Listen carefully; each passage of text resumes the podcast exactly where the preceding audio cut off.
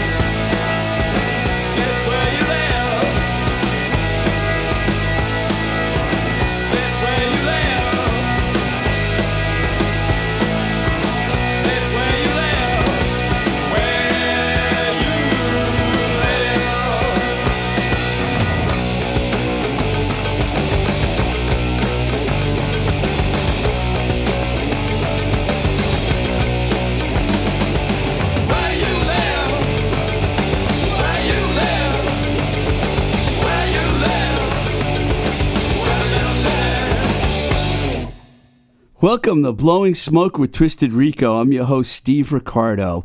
That was Where You Live by Government Issue from the You album on Giant Records, later re released on the Complete History Volume 2 on Doctor Strange Records.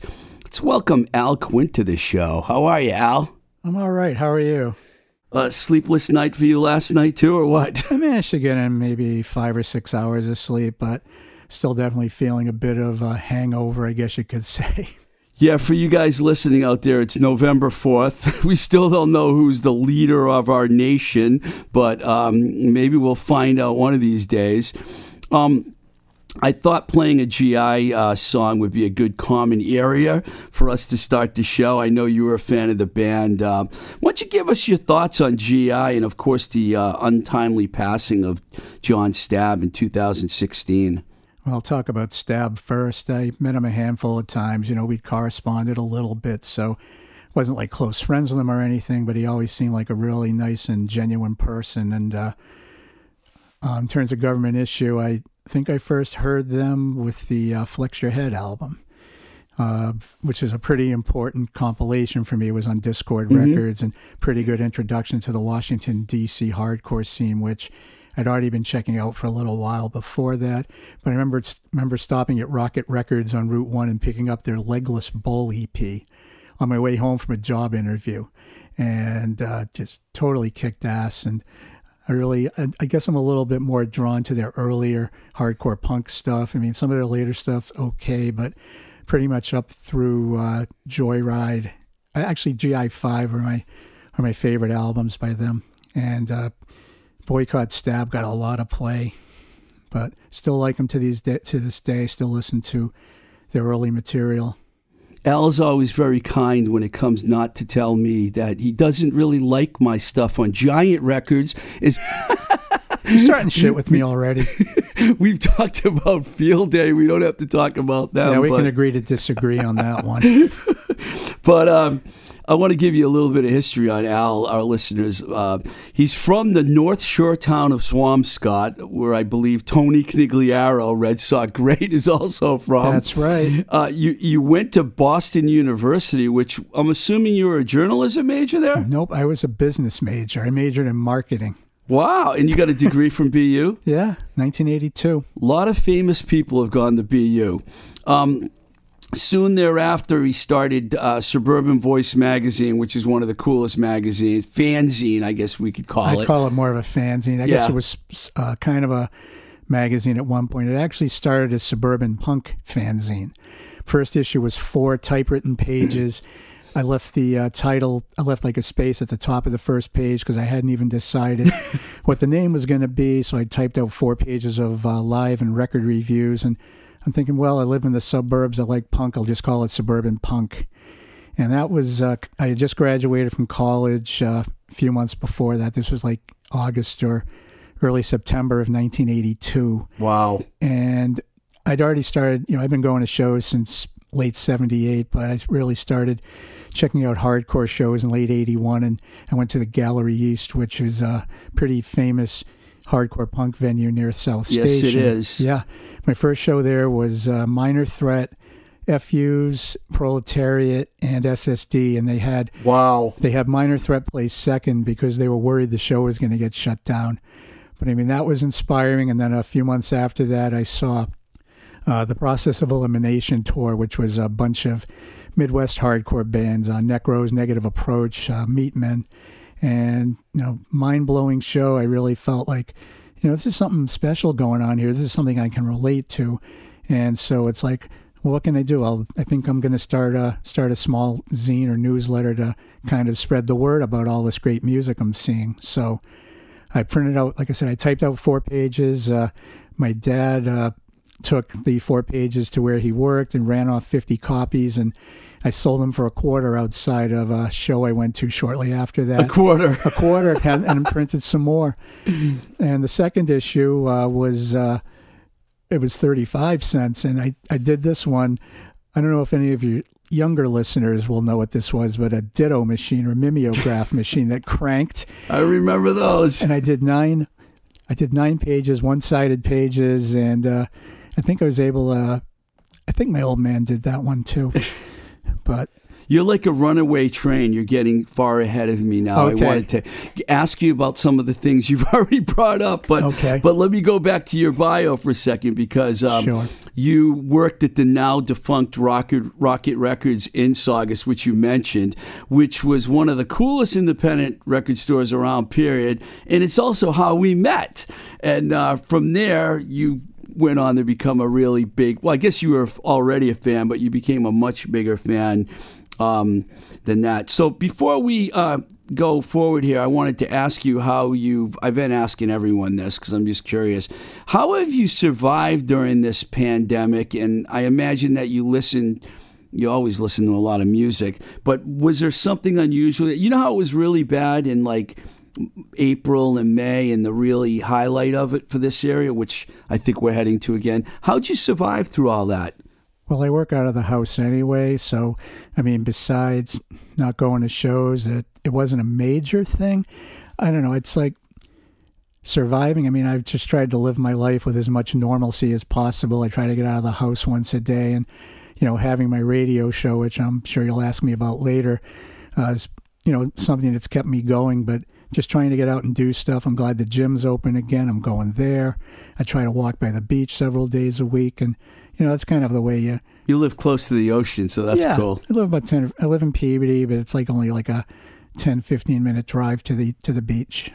Cool. So you didn't really have much to deal, much of a problem. I mean, it, it's stressful. You know, dealing with grocery shopping became a little more difficult, yeah. and yeah, you know, you worry about it.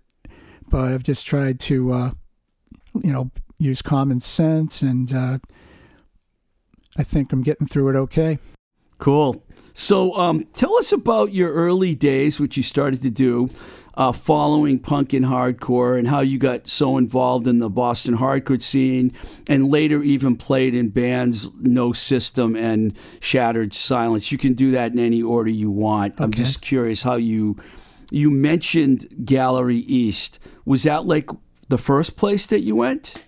For hardcore, no. I saw a few, you know, I mean, I've been going to shows since late '78. The first show I saw was the Stompers, who the Stompers. Oh god, they were so bad. They weren't a hardcore band. No, well, it's, it's '78. There was no hardcore. I've been listening to punk since '77.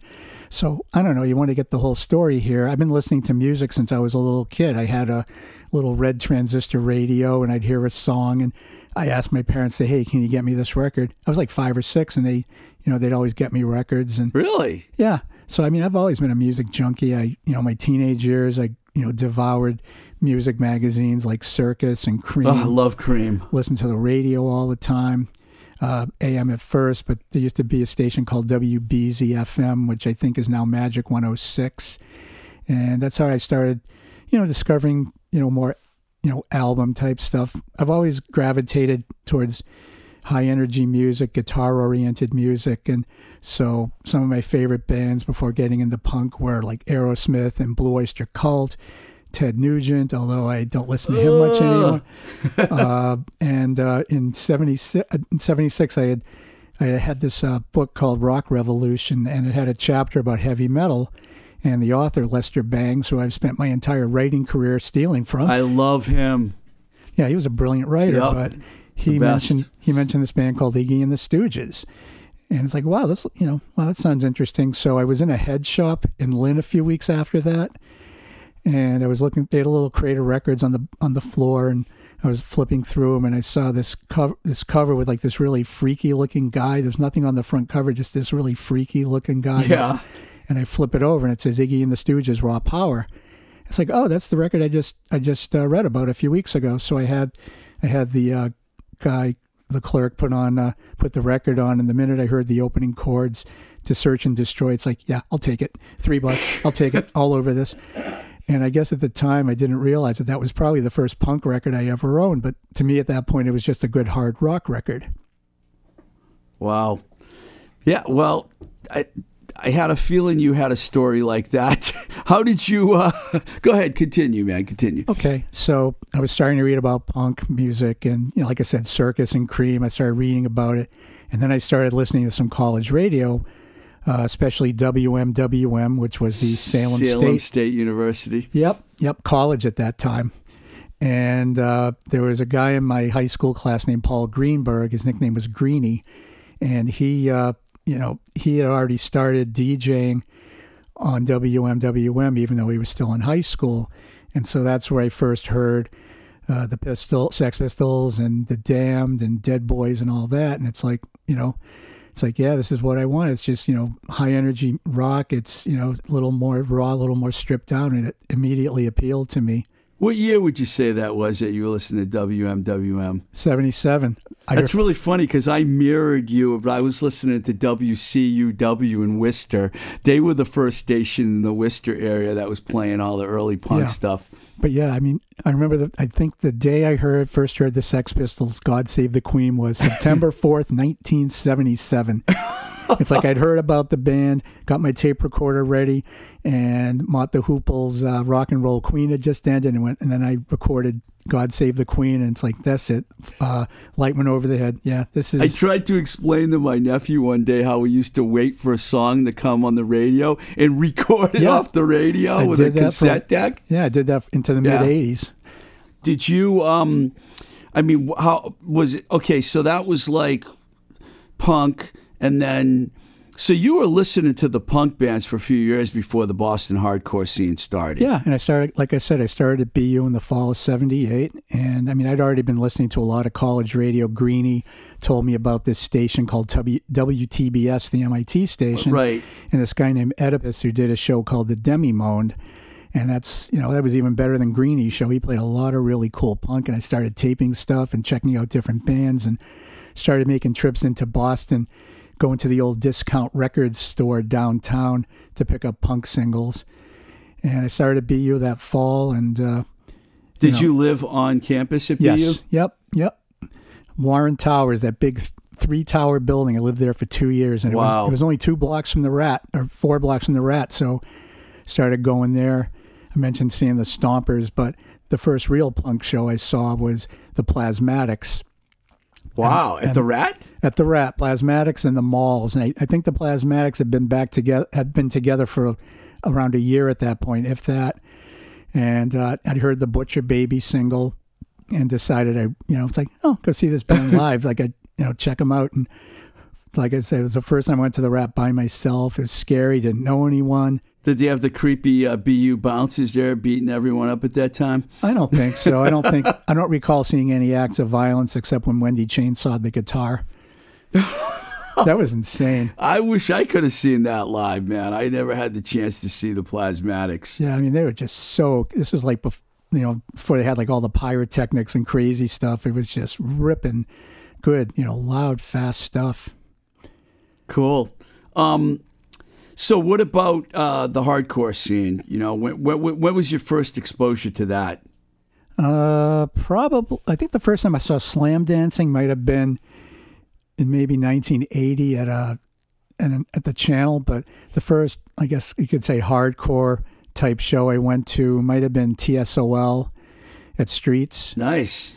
Um, I mean, I saw I saw like you know between seventy eight and 80, 82, I saw you know so many bands like everywhere, and but the first hardcore at TSOL and uh, Antipasti, and I know that like FUs and Gangrene played one or the other of that, and that's you know where I first started seeing you know all this crazy slam dancing, and I remember when I saw Antipasti. Uh, my friend George, who worked there, took me downstairs to meet them, and we get to the room where they're you know their dressing room and there's like 20 20 like you know guys with shaved heads just kind of looking at us like what the fuck are you doing here Wow. and uh you know it took a while to get to know those guys but yeah so i started seeing that and then uh one of my most memorable shows was you wearing your bad brain shirt i saw I am. I saw bad brains at a club called mavericks uh I remember that room. yeah, and it was they uh, showed up really late. They got there at like 1.30 in the morning. In fact, I was about to leave and saw them coming in. It's like, okay, I'm staying. So they set up no sound check, uh, no nothing, and just a 20 minute set of all hardcore. And it's one of the greatest things I've ever seen. Was that the first time they ever played in Boston? no, I think they played Streets. This was May of 80, April or May of 82. Didn't they end up getting their van stolen in Boston? I'm not sure, but yeah, I think they did. I think Yeah. that was from the Rat or someplace yeah, like they- that. Yeah, they played Streets or like late the f- previous year. At Streets was a cool little club. I saw Black Flag there for the first time. Wow. Um, when you look back at the early Boston hardcore scene, which seems to get more and more famous as the years go by, um, where do you think now that Boston scene? What, what is the what is their place in American hardcore history? Where would you put the Boston scene? Is it there with DC and LA? I mean, what? How? Where would you put it? Well, they were definitely influenced by DC in terms of the whole straight edge thing and the sound of some of the bands. I mean, Boston did have its the early Boston hardcore bands had kind of a distinct sound, especially like they uh, had like I guess you could say almost like this hornet's nest guitar sound, really fast, really frenetic. Um, if you were to describe a band like that, I would I would think Jerry's Kids is the first band that pops in my mind. They were so fast. They not, played so fast. Not crazy fast, but yeah, they're definite, and they're my all-time favorite local h- hardcore band. Is this my world? Is just yeah. amazing, and but I mean, it wasn't like monochromatic. I mean, the FUs they they started before hardcore and played more like you know punk, and then they kind of picked up the speed a little bit. But they always had a little bit more of a sense of humor, maybe and uh, I mean the proletariat who played some of those shows. They came from more of a post arty. They were more art punk, art. Yeah, yeah, like Gang of Four, Wire, influenced by that. Yeah, and I remember uh, talking to Rick about when they played with Minor Threat, and he said, "Yeah, yeah, they let us play those shows. They tolerated us, but we never really felt part of that. I mean, the Freeze, you know, they they were. Around, I love the Freeze, but they didn't get along with the Boston no. crew people too well. And I think Cliff." Uh, you know, he was still complaining about that as recent in the as recently in the last ten years. He still still uh, pick up a little bit of bitterness there. But I got to go got to know those people a little more over time. I was never really part of the whole Boston crew thing. I was more of a, I guess, uh, kind of on the periphery there. But I was starting to, you know, do my zine and going to a lot of shows and gradually meeting these people and did you think it was odd when This Is Boston, Not LA came out that SSD wasn't part of that project? I did, but I found out why. I read an interview with them where Al said, you know, they they wanted to do their own thing. They didn't want. I guess maybe they felt they were being co-opted.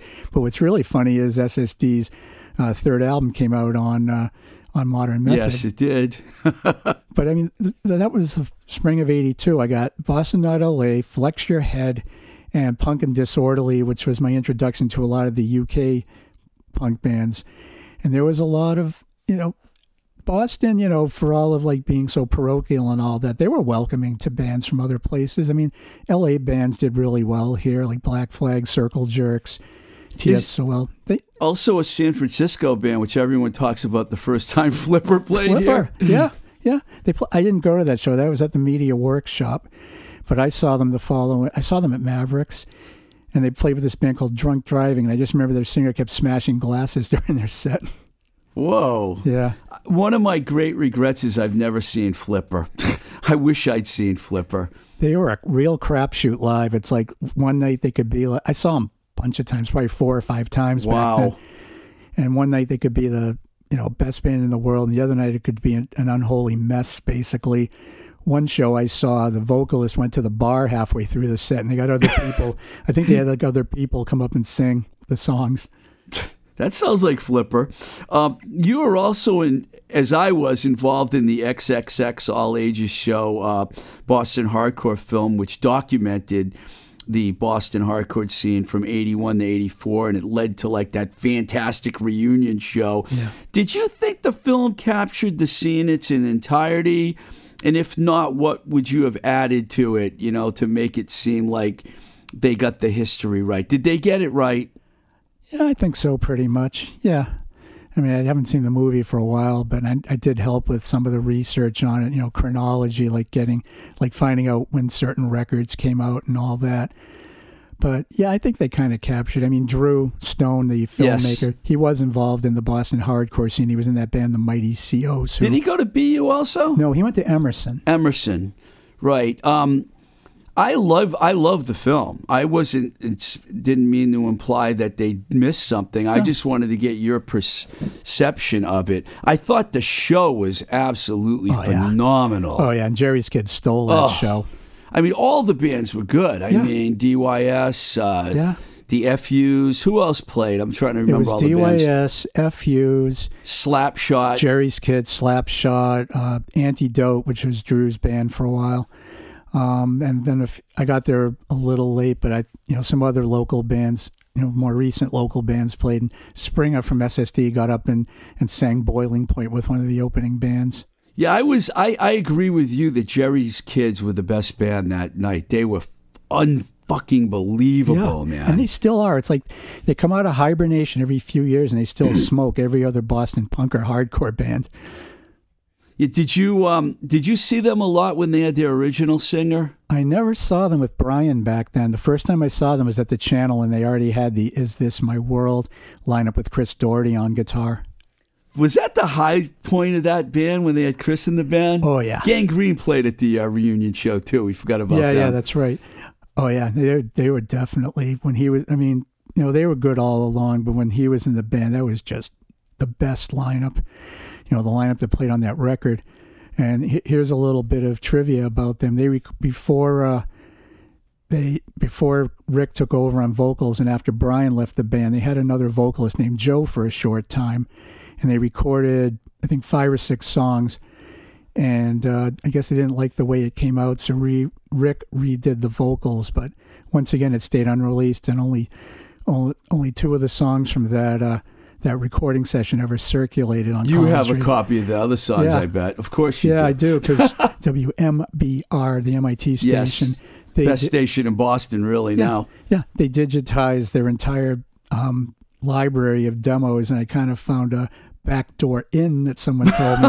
So I was able of to course you did. So I downloaded like over a hundred, like of these really rare uh, Boston demo tapes, not just hardcore, but all kinds of stuff, new wave and post punk and all that. And they had like unreleased stuff by Jerry's Kids. They had an unreleased song by Decadence, which was on Boston, not yes, LA, Decadence, right? and uh, a few other things. But yeah, they. Uh, yeah, I, I, Rick has talked in recent years. Rick and Bob from Jerry's Kids have talked about possibly doing a release of that stuff, but who knows? I never know what's up with that band. Going back to the hardcore reunion show, man, it would have been something if SSD did that show. You know, I mean, I was, uh, I'm not surprised they didn't, No. but I mean, how much do you know about SSD? I know enough. Well, Al didn't want to get involved with the documentary at all. You'd have to ask him why. He was in American hardcore. Yeah, he was. That was a few years before uh, before the uh, Triple X movie, but I don't know. You'd have to ask them. I only saw SSD a handful of times, believe it or not. I only saw them once, and it was at the Olympic Auditorium in Yeah. L.A., the infamous show when they opened for Suicidal. But the, the lineup was really interesting. Opening band, Circle Jerks. Second, Minutemen. I can't remember who the third band was. They weren't as big as the other bands. Then SSD and Suicidal, and I'll never forget SSD. Oh my God, I don't know how they got away with that. They played this hard rock set in front of Suicidal's crowd, and I thought that people were going to get carried out on stretchers. but you know, who's going to fuck with Al Barile, right? You know, Nope, nope. To this day, they pulled it off. That's the only time I ever saw them. But um, let's play a song. Uh, I asked Al to pick out a song.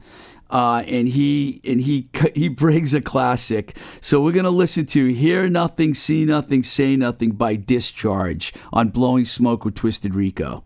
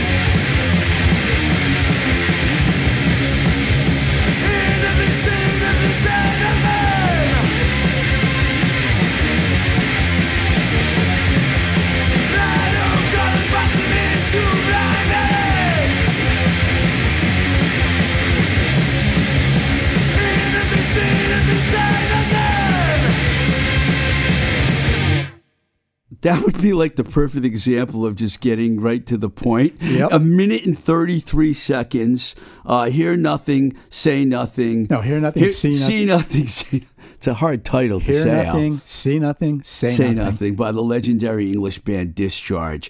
So, um, why'd you pick that track? because that's probably the album I've listened to more than any other in my life. Uh, pe- people always ask me, "Well, what's your favorite band? What's your favorite band?" It's like, well, I guess if I have to pick one, it's them because, you know, first of all, they were they basically rewrote the book on punk between 1980 and 1982. Just, I mean, nobody really sounded like them. They're just so raw, so pissed off sounding. But they gradually, you know, started, you know, getting slightly better production values, I guess you could say. Although I, I definitely like the more stripped down sound of the earlier records. But They started around 77, they right? started in '77, but the classic sound started in 1980 with the with the uh, Realities of War EP, and the opening drum beat. I don't know if they can hear it. That's what they call a D beat, and We have a drummer uh, as our engineer in the other room. I mean, we can get him in here to play. that's the only drum beat I can play is the D beat. But that's what they called it, and that's like inspired thousands of bands, like in terms of that sound. But uh, that You mentioned some bands that they influenced earlier when we were talking. Well, for U.S. bands, I would say Battalion of Saints drew a lot from them. Poison Idea to an extent. Um, The Accused. the Accused, the early stuff. But and I first started really getting into Discharge in the summer of '82. A friend of mine loaned me that album. I taped it, and my first post college job was at was at Zayre, which you will remember the old retail. Yeah. Yeah, Zayre. I worked. I did. A, I was a management trainee there uh, at the Woburn store, and after work, pretty much became a ritual. I would get into my car, take off my tie, roll down the windows, and crank that album pretty much every day. That that and the Y EP, WHY EP that came out before that. I had them all on one side of a tape. And my drive home was about a half an hour, and that was about the perfect, perfect tape for the trip home. So, but yeah, I mean, it, my all-time favorite band, and unfortunately, I never got to see them with that lineup. Saw them a few times. A few saw them in '83, early 2000s, and like about four years ago.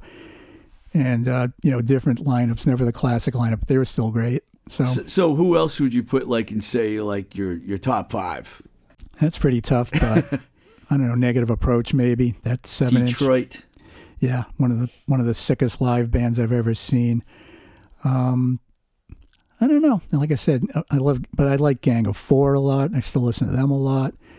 Um, You probably have Jerry's kids up there. yeah, Jerry's somewhere. Kids would be up there definitely. Jerry's Kids would be up there. Uh, you know, Were there any bands on that great label, Giant Records, that you liked? A trick question. government issue. You put out the second Uniform Choice album, right? Yes. Yeah. Yeah. Well, I mean, I really liked. Um, why can't I remember the singer of Pat Uniform? Dubar. Pat Dubar. I really liked Pat Dubar a lot. I mean, talking to him on the phone, he, it was it was really easy for me to to work with them. You know, they did sell a lot of records. You know, them and Dag Nasty both really. So one thing I will say though, Al, is you always gave re, you always reviewed all the records that I released, and you never said they sucked. You know, even though I know you can't stand the Dag Nasty Field Day record. And you know, Doug and Pete listen to my show all the time, but don't hold it against them, guys. Don't hold it against Al, guys. You know, Hey, hey, hey, Doug. Uh, I, want, I want to tell you that in 1980, I know about your 1980 band Con 800. That is a great demo. You should you should try to put that out sometime. I don't even know about that. Yeah, yeah. I, this guy like this guy like ripped me a whole bunch of really rare old California, you know, punk and hardcore, and yeah, that's a great one. I should probably take that out and play it on my radio show sometime. We're talking about Doug Carrion, who was bass player in the Descendents and uh, Dag Nasty, and now is in Field Day. He was also in um, him and Brian Baker for a little while. We're in. Doggy Go ahead, Style. say it. Doggy Style. Style. Did you like Doggy Style?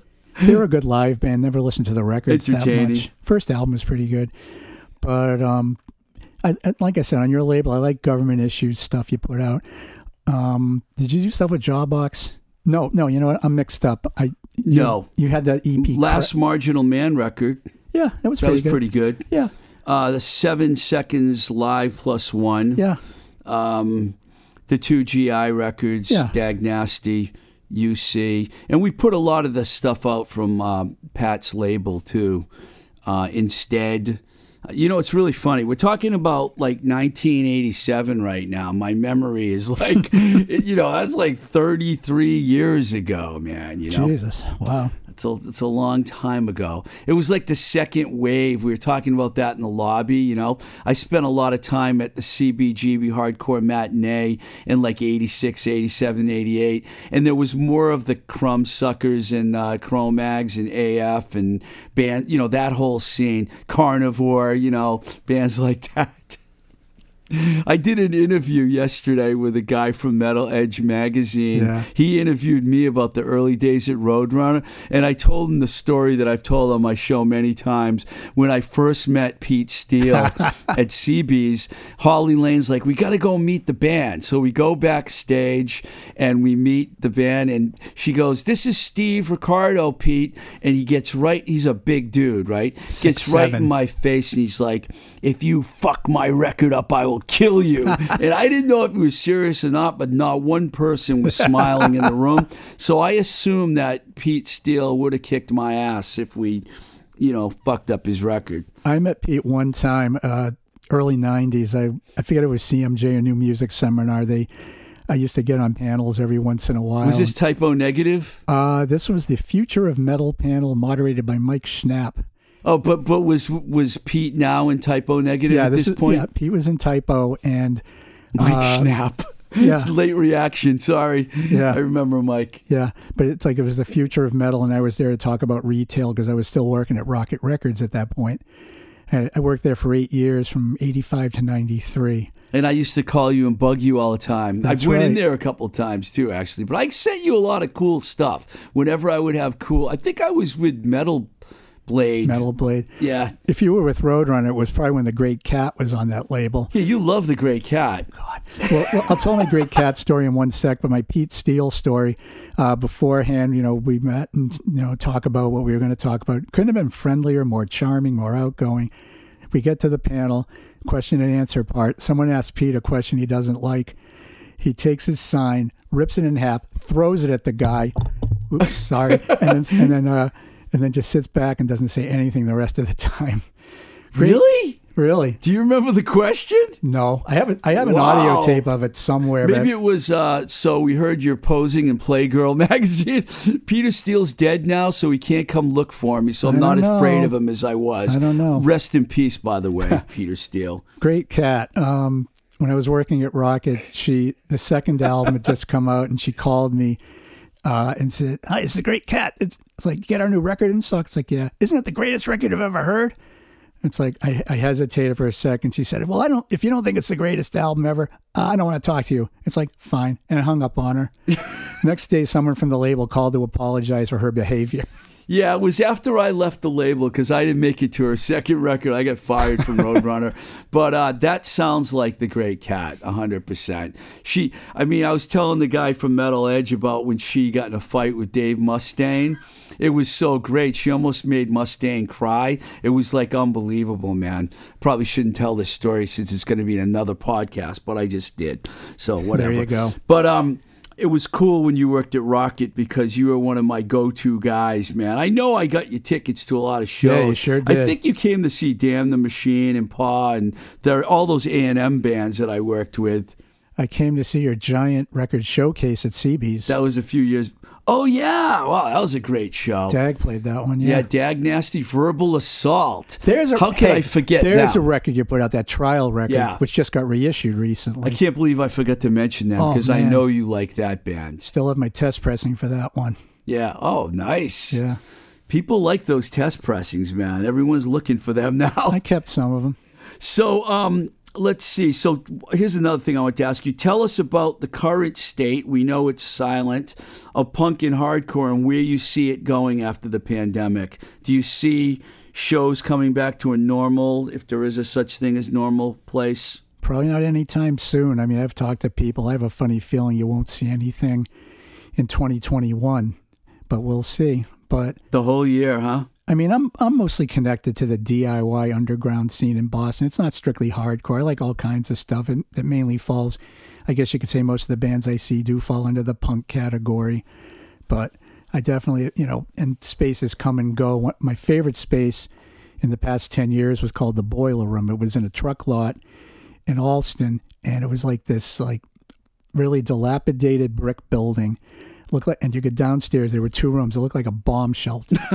and uh, I saw bands from all over the world play there. Who put those shows on? Uh, there was like a group of people that did those shows there. Uh, uh this guy Kevin, who played in like bands called Chain Rank, and uh, this woman uh, Sophie, who was in well, she was in a few bands. One was Firewalker, but I mean they would book bands from all over the place to play there.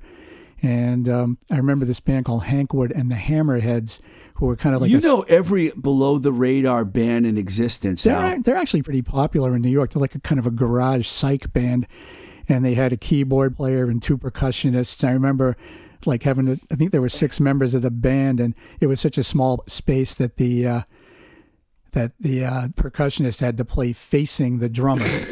and it's like I, it's like I can't believe no one died there they were open from 2013 to 2016. And the thing is, it was a very well run space. I don't recall ever seeing any big fights there. You know, everyone seemed to get That's along. unusual for Allston. Well, everyone everyone knew each other. That's the thing. And it was, you know, they kept the shows pretty secret. They kept them, kept them off the radar. So that's how come well, I hope the shows do come back for your sake, Al. I hope so too. I follow you on Instagram, and you have posted so many great photos from so many great. What is what is your uh, Instagram um, tag? It's it is uh, suburb suburban underscore voice. Yeah, if you don't follow that, people out there, please do. It's a really great. Uh, you can get so much info from Al, man. He he just he, he he's gone to more shows probably than anyone I ever met. Um, before we um, move on, and I and, and I let you go, tell um, us where you can hear Sonic Overload Radio and anything else that you want to share with our listeners about the the fanzine or do an Al Quint promotion for me. Yeah, Sonic Overload was something I do want to talk about. I've been doing it since 2000. I'd always wanted to do radio since I was a little kid. I used to I used to record uh, like fake top 10 countdowns when I was a kid, which is pretty embarrassing. But uh, I started, uh, I had, had a guest slot on a show at Masconomet High up in Boxford. Did that for a while and um, with a couple of guys. At a high school. Yeah, a couple nice. of guys a couple of guys invited me down to like do a like do a guest appearance and I ended up doing it like pretty much the rest of the school year. And then a while after that, I found out about a station called Allston Brighton Free Radio opening. It was right. going to be like a low power AM station. And I started there in 2000. And eventually, it became, for all intents and purposes, a pirate station. Now they juiced the transmitter. I don't remember how many watts, maybe 500 watts, and you could hear it a few towns away. But the station closed in 2005. I bought some DJ gear and I've been recording it at home ever since. I upload a new show every Monday and that's at. And uh, you play a lot of different kinds of music too. Up. I've heard a lot of your shows. I mix and, it up. Yeah, you could play you know, a classic rock tune or you know punk, metal, yeah. hardcore, you name it. I mean, there's a big concentration on stuff between '77 and '84 because that was my favorite time for music. But I try to keep you know up to you know up with current stuff, and I try to play everything from punk and hardcore to like more post punk stuff, more like I guess you could say like aggro rock, you know, music that was inspired by bands on amphetamine reptile or sub pop. Um, like I said, I try to play a little bit of everything, you know, new wave, you know, uh, you know, dark wave, things like that. Can't Highly not, recommend the show, people. But yeah, so I, I upload a new show every Monday. And how can they find it on the internet? www.sonicoverload.net. Awesome. Well, um, anything about the zine you want to say? Yeah, I mean, I started the zine in '82. It's uh, the last print issue I did, which wasn't intent, intended to be. It was 2003, but it was kind of a chaotic time in my life. So I eventually started doing it as a blog, and I always had the intention of maybe doing another print issue, but it's 17 years and I still haven't. Who knows if I will do it? Um, I, actually did some reviews for uh, for your zine I remember many moons that. ago. Yeah. You would give me any record that sounded like the Descendents because you know I liked. I actually Yep. discovered the Ergs because of you, and I really liked Oh the yeah, Ergs. yeah. I saw them once. They're really good. Yeah, cool band. Yeah. Um, but yeah, you know, still in terms of the zine, I, I do it as a blog. I got to kind of, I'm kind of behind on that as usual story of my life, but that's at uh, subvox.blogspot.com. I wrote for Maximum Rock and Roll until uh, earlier this year. I was with them for 36 years. Wow. They went up, they, they finished, they stopped the print issue last year and I, I continued doing my column, but it just wasn't the same doing it online. And so I decided, yeah, 36 years, I've had a good run there. That's So, a good run. Yeah. Thank you very much, um, Al Quint, for uh, joining us on the show. And you know, someday I'd love to have you back on again. Sure. So we'll think we'll think of some topics I'm sure to talk about. Um, uh, stay tuned next week when we'll have Mira Lee, one of my favorite singer songwriters, a great piano player who I met back in 2007 when I was living in Phoenix, Arizona. She lives in New York City now. We've been friends ever since, and I can't wait to have her on the show via. She's going to do a phone interview with us. Um, it's really important that we continue to support the mom and pops and independent shops like Baby Loves Tacos, who we mentioned earlier in the show, and also others like JLS Design in Leicester, Mass, the Moonbeam Cafe in Oakmont, PA, Spectacle Eyewear in Boston, the Dark Horse Pub right here in Somerville, Honest Taqueria in the Boston area, the Record Archive in Rochester, and of course 1369 Coffee Shop in Inman Square. These um, fine establishments need us now more than ever so they can pay their bills. So please, whether it be takeout food, ordering merch, or buying your favorite metal band's newest uh, release, please keep these small businesses going. Um, before leaving, I want to thank our engineer, Nick Z, here at New Alliance East in Somerville, Mass., and also our patrons who monthly contributions keep the Blowing Smoke with Twisted Rico podcast going. Uh, you can find the Patreon page at patreon.com forward slash Twisted Rico. Uh, please contact me at twistedrico at gmail.com. Follow the Instagram page at twistedrico or Twitter at blowing smoke BS. There's also a Blowing Smoke with Twisted Rico Facebook page where you can find some of the shows. You can also find some of the shows on YouTube as well. Uh, this is Blowing Smoke with Twisted Rico. I'm your host, Steve Ricardo. Till the next time we say goodbye, keep the rock and roll alive, and we love you, Busy Phillips.